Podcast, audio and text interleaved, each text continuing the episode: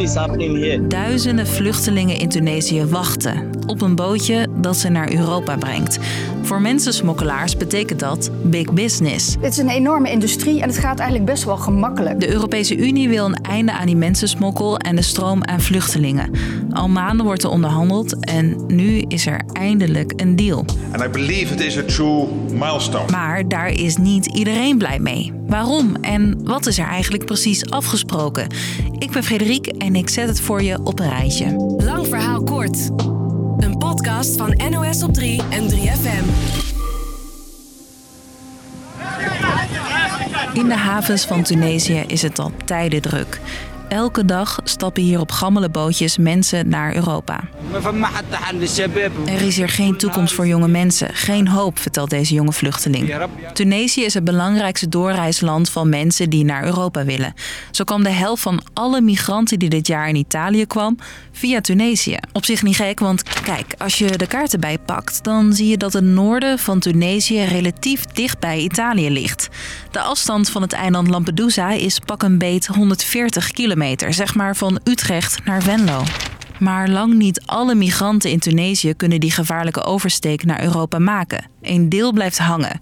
En dat zorgt voor onrust onder Tunesiërs, vertelt correspondent Daisy Moore. Ze zeggen dat ze dat echt al lang niet meer aankunnen. Uh, hier er is um, een groeiend uh, anti-Afrikaans sentiment. Tunesië staat daar economisch heel slecht voor. En de president van Tunesië geeft zwarte Afrikaanse migranten daarvan de schuld. En dat zorgt voor discriminatie en racisme. Ze werden met stenen bekogeld, ze werden uit hun huizen gejaagd. Ik heb mensen gesproken die waren echt de wanhoop nabij. En op hulp hoeven migranten niet te rekenen. Sterker nog... Deze afgelopen twee weken heeft de Tunesische kustwacht en de Tunesische militaire diensten... die hebben uh, honderden van die zwarte migranten in de woestijn gedumpt. Je hoort EU-correspondent Saskia Dekker in Nieuwsuur. Zij sprak een van die achtergelaten mensen. No food, no water, nothing is happening here. We are stuck. We need to crack down on criminal networks of smugglers and traffickers. Al maanden wordt er onderhandeld over een oplossing voor die migratiestroom naar Europa.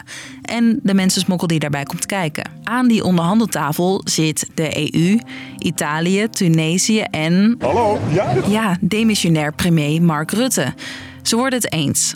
Alle onderhandelpartners zetten een krabbel onder die nieuwe migratiedeal. Maar wat is er nou precies afgesproken, Daisy? Het idee is dat uh, Tunesië de grenzen beter gaat bewaken, uh, mensensmokkel aan gaat pakken, in ruil voor investeringen in de Tunesische economie. Tunesië moet de vluchtelingen beter gaan registreren en de grensbewaking opschroeven.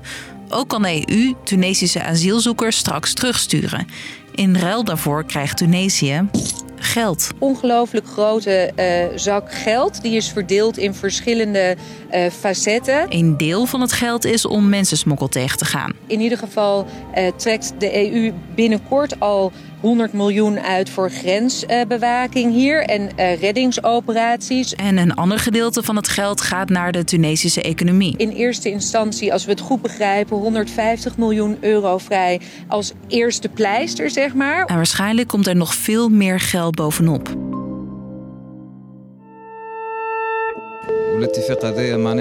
Toch staat niet iedereen te springen om die deal. Tunesiërs zelf bijvoorbeeld.